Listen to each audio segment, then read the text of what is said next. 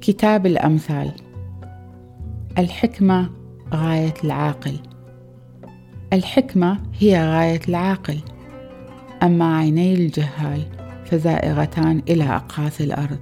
الابن الجاهل مبعث تعاسى لأبيه ومرارة القلب لأمه. أيضا لا يليق تغريم البريء ولا جلد الشرفاء تقويما لهما.